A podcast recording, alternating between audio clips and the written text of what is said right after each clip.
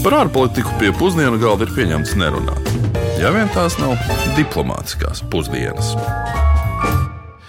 Labdien, esiet sveicināti diplomātsko pusdienu klausītāji. Šoreiz mēs ar jums varētu teikt, uzdosim čadu un dosimies uz kādu 16 miljonu iedzīvotāju lielu valsti centrālajā Āfrikā. Un kā varbūt jau nopratāt no mana pieteikuma, dosimies mēs uz Čadas republiku. Jā, labdien! Čadas ar citu tiek saukt arī par Āfrikas mirušo sirdi, un skaidrojums tam ir valsts visnotaļ skarbais klimats un apstākļi. Nu jā, starp citu, pēdējo 60 gadu laikā Čadas ezera lielums ir samazinājies par vairāk nekā 90%, un tas notiek klimata pārmaiņu, arī iedzīvotāju skaita pieauguma dēļ. Jaunākie dati liecina, ka šajā reģionā kopumā ar pārtikas trūkumu saskars vairāk nekā 10 miljonu cilvēku, tā ir viena no lielākajām šāda veida krīzēm faktiski pasaulē, un arī viens no spilgtākajiem piemēriem klimata pārmaiņu negatīvajām sekām. Nu jā, bet šodien laikam pievērsīšu pievērsīsimies nedaudz šādas vēsturē vairāk, jo nu, gribētu uzsvērt šīs valsts varenās impērijas saknes, un tāpēc varbūt tās par šo parunāsim nedaudz vairāk pat nekā par mūsdienu aspektiem. Bet tad ar šo sākot no 9. gadsimta līdz pat valsts kolonizācijai, tā ir bijusi mājotne vairākām Āfrikā eksistējušajām impērijām. Nu, piemēram, dažas šādas daļas veidoja Kanembornu impēriju, dažas vadīja sultanātu, dažas Bagirmī sultanātu. No 9. līdz 16. gadsimtam gan Bornu kļuva par dominējošo spēku reģionā, kā Sahāras karavānu maršrutu krustpunkts. Nu jā, tas, ap citu, arī bija laiks, kad valstī parādījās islāms un pamazām pārņēma reģionu, īpaši 16. un 17. gadsimtā, kad dominēja Vadājona un Bagirmi sultanāti. Mūsdienās arī valstī vēl aizvien dominē islāms, un apmēram 52% iedzīvotāju praktizē šo reliģiju, bet aptuveni 44% kristietību. Bet tagad gan uzzināsim, ko par šo Āfrikas valsti zina mūsu valsts iedzīvotāji. Čāda, ar ko jums asociējas eh, Čāda? Āfrika. Nezinu, tur kaut kādi apvērsumi bija vai kas tur tā man šķiet. Es nekļūdos ar kontinentu. Pareizi? Jā, man liekas, tā ir Centrāla Afrika kaut kas tāds. Dzirdēt, ir, bet ne ar ko neasociējas. Tiešām ne ar nekādu. Centrāla Afrikas valsts. Nu, ne ar ko īpašu. Man liekas, tur, eh, nu, tur diezgan bēdīga situācija kopumā. Ar, ar ekonomiku, ar cilvēktiesībām. Kaut kāds karš varbūt bija nesen. Čedars, siers. Jā, nav nejausmas par tādu valsti. Okay. Āfrika. Un tumšs. Tāds ne, nezināms. Tad, kad es studēju, mums bija viens draugs no Čadas. Ļoti talantīgs ķīmiķis, Viktors, kurš patiešām bija arī izdarījis atklājumu ķīmijā. Un kā tolaik teica, tas vispār ir kaut kas tiešām ļoti īpašs. Stāstot par Čadu, noteikti ir jāpiemina Čadas garā un sarežģītā politiskā šķelšanās un militāro iebrukumu vēsture. Nu jā, nu Čadā politiskā vara vēsturiski jau ir koncentrēta nelielas elites rokās, vai nu vienas vai citas, respektīvi. Un bieži vien tās elite nāk tieši no valsts ziemeļdaļas. Un tas ir automātiski izraisījis aizvainojumu dienvidu iedzīvotāju vidū, kas jūtas atstumti un atstumti arī nu, politisko lēmumu pieņemšanas. Un daļai reaģējot uz to, gadu gaitā ir veidojušās vairākas nemiernieku grupas, kas regulāri cīnās cīnās par lielāku savu kopienas pārstāvību politikā, valsts pārvaldē un, attiecīgi, varbūt tās arī autonomiju. Nu, viens no nozīmīgākajiem konfliktiem Čadas um, nu, salīdzinoši jaunajā vēsturē bija pilsoņu karš uh, no 2005. līdz 2010. Uh, gadam. Un uh, šis konflikts nu, saskārās ar prezidenta Idrisa Debija vadīto valdības pretestību pret vairākām nemiernieku grupām, tostarp Demokrātijas un attīstības spēku savienību un Nacionālās glābšanas fronti. Karu raksturo ļoti intensīvas cīņas un arī nu, visai loģiski plaši cilvēktiesību pārkāpumi, kas šādos gadījumos seko. Nu jā, te gan jāsaka, ne tikai šādu iekšienē plosu pilsoņu kari.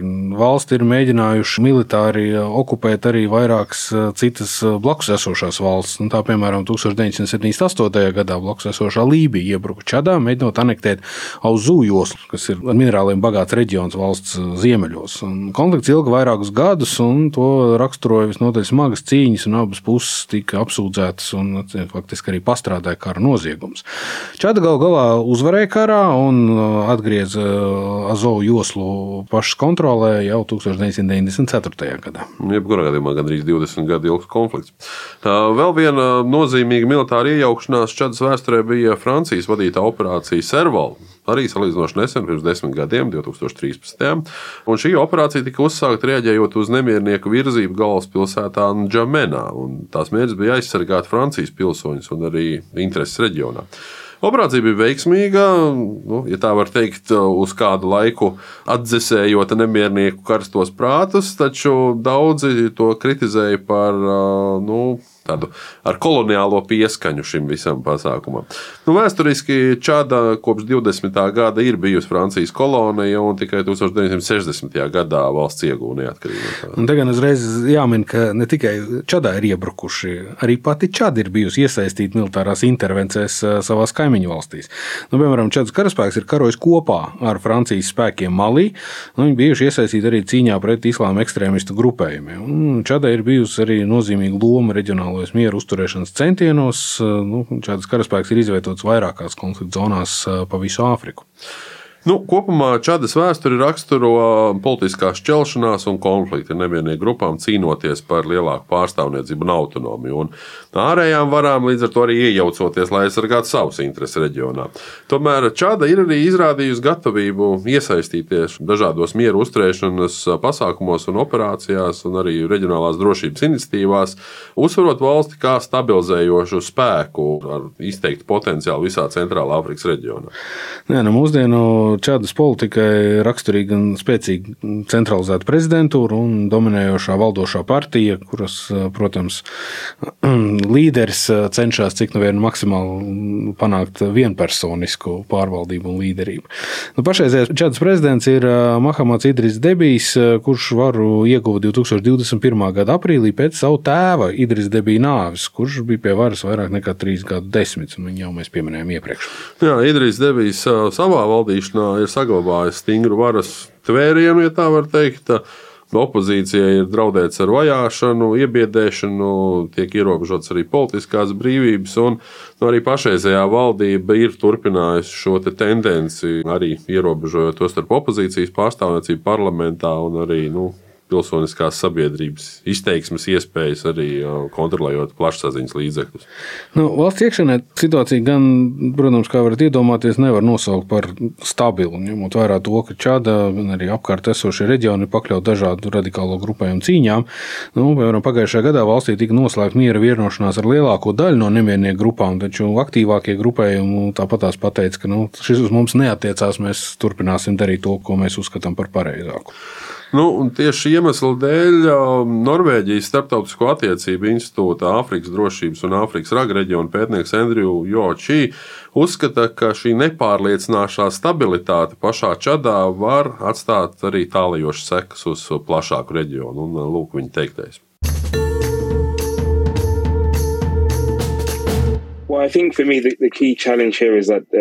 Galvenais izaicinājums ir tajā, ka pat tad, ja tiek noslēgts miera līgums, to ir nepieciešams ieviest dzīvē, un tas ir ļoti izaicinoši. Reģionāli viens no izaicinājumiem ir iespēja, ka šie konflikti pārmetās arī uz citām valstīm. Vairāki grupējumi dažādās valstīs dod iespēju patvērties nemiernieku grupām, un tas rada saspīlējumu arī valstiskā līmenī, un tas jau apdraud reģionālo stabilitāti. Un šeit es gribētu pievērst uzmanību Čādas ieguldījumam ieguldījumam reģionālās drošības garantēšanā. Pēdējā gadu desmitu laikā Čada ir ievērojami aktīvāk piedalījusies dažādās starptautiskajās operācijās, tostarp apvienotajos spēkos Čadas ezera reģionā un arī ANO misijā, bet ja nebūs drošības un stabilitātes pašmājās, kādā brīdī var tikt pieņemts lēmums šos spēkus nosūtīt atpakaļ, lai risinātu domstarpības starp grupējumiem, kuri nav parakstījuši miera vienošanos.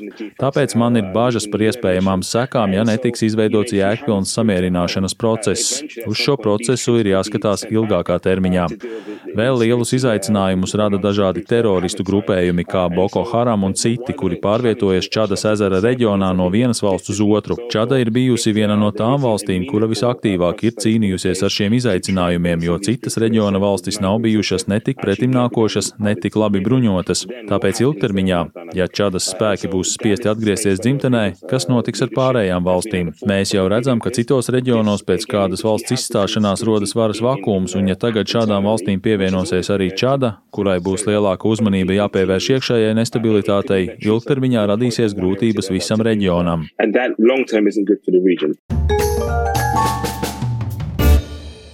Nu, mazliet parunājot par ekonomiku, tad um, Čadas ekonomika lielā mērā balstās uz uh, lauksaimniecību un lopkopību. Un uh, ļoti svarīga kultūra ir arī kokvilns. Nu, Čadā atrodas arī viens no lielākajiem sāls raktuvēm pasaulē. Jāsaka, sāls raktuvs ir darbojušies gadsimtiem ilgi un joprojām nozīmīgs ienākuma avots uh, daudzām vietējām kopienām. Jā, un sāli no Sahāras tūkstneša iegūst dažādas vietējās kopienas, izmantojot ļoti tradicionālas metodes. Pēc tam sāls tiek transportēts visā valstī un arī, protams, ārpus tās robežās, lai izmantotu gan ēdienu gatavošanai, konservēšanai, protams, citiem mērķiem.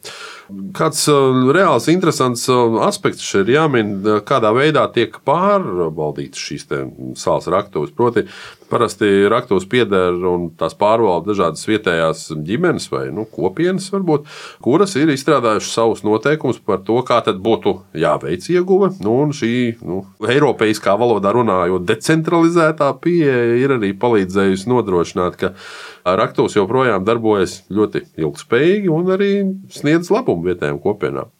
Nu, papildus čedā ir arī milzīgas naftas, urāna, titāna un zelta resursu krātuves. Nu, vismaz tiek rēķināts, ka ir.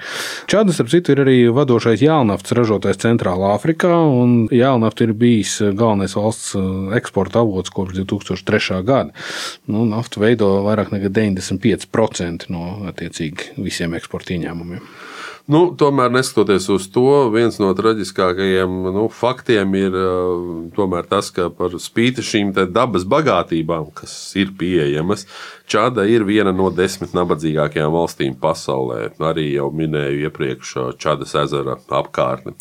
Valsts IKP uz vienu iedzīvotāju pēc pircējas paritātes ir aptuveni 23 reizes mazāks kā Latvijā, un tie ir tikai 1300 eiro. Tas ir gadā. Tātad. Jā, nu, tas ir kārtējs piemērs tam, kur mēs jau esam daudzas valsts tādas redzējuši. Kur tas, ka ir daudz naftas resursu, vēl nenozīmē, ka sabiedrība ir bagāta. Šādas ekonomikā ir virkni problēmu, tostarp arī zemes infrastruktūras attīstības līmenis, ļoti augsts šis nabadzības līmenis, protams, un politiskā nestabilitāte. Un valsts cieši no, arī no kvalificēta darba spēka trūkuma. Nu, attiecīgi izglītotu cilvēku trūkst, spējīgu cilvēku trūkst, un tas attiecīgi vēl vairāk kavē ekonomisko izaugsmu, ekonomiskās izaugsmas potenciālu. Neraugoties uz šīm problēmām, Čāda pēdējos gados ir guvusi panākumus, īpaši jau naftas nozarē, bet tiek rēķināts, ka rezerves ir apmēram 1 miljards barelu, kas priekš Čādas lieluma valsts tomēr var šo ekonomisko investīciju grūdienu finansiāli dot.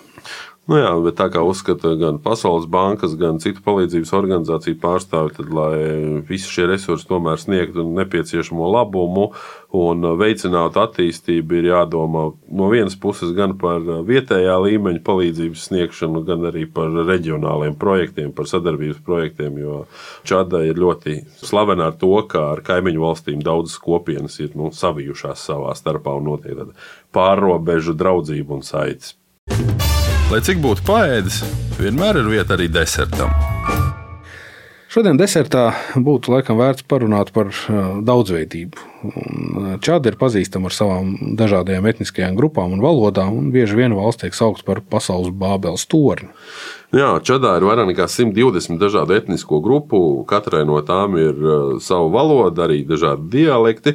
Visplašāk runātās valodas gan ir franču un arābu, kas ir uh, valsts oficiālās valodas. Tomēr Čadā runā arī daudzās citās valodās - čadiešu arābu, sāras, kanembu un tā tālāk. Un, tā un valoda daudzveidība Čadā ir saistīta ar valsts uh, migrācijas un tirzniecības vēsturi. Nu, gadu gaitā Čadā ir apmetušās daudz dažādas etniskās grupas, nesot sev, protams, līdz savas valodas un kultūras un tas ir novedis pie šīs lingvistiskās mozaīkas, kurā vienā un tajā pašā apgabalā līdzās pastāv ļoti daudz un dažādas valodas. Nu, mēs jau pieminējām Bābeles torni, atgādinām, ka tas ir termins no Bībeles, kur stāsta par Bābeles torni, kurā cilvēki nu, ja teikt, tika sodīti, sajaucot valodas un izkaisot tās pa visu zemi. Un uh, šis Bābeles tornis tiek izmantots, lai aprakstītu situāciju, kurā tiek runāts daudzās dažādās valodās, kas vienkārši apgrūtina saziņu. Jā, bet tomēr, neskatoties uz šo valodu daudzveidību, šādā nu, valstī ir izdevies saglabāt nacionālās vienotības sajūtu. Un valdība ir veikusi daudz pasākums, lai veicinātu gan franču valodas, kā kopīgās valodas izmantošanu, un daudz čadieši ir divvalodīgi vai pat daudzvalodīgi, kas palīdz attiecīgi pārvarēt plaisas starp dažādajām etniskajām grupām. Un, protams, ja cilvēki prot saprasties, tad arī uzticības ar viņiem veidojās. Nu jā, nu, par spīti tam, ka šī daudzveidība tomēr kādreiz var radīt komunikācijas problēmas, tā tomēr arī ir apliecinājums uh, bagātajam valsts kultūras uh, mantojumam.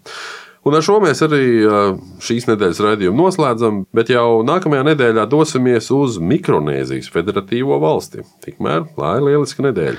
Nu, vēl atgādināšu tikai, ka raidījumu veidojas Kārls Bukovskis no Latvijas ārpolitikas institūta Rīgas Traģiņu universitātes un Uģis Lībēs no Latvijas rādio. Bet palīdzēja mums Aleksandra Palkova un Rihards Plūme un uz sadzirdēšanos jau pēc brīža. Diplomātiskās pusdienas katru otrdienu pusdienos Latvijas Radio 1.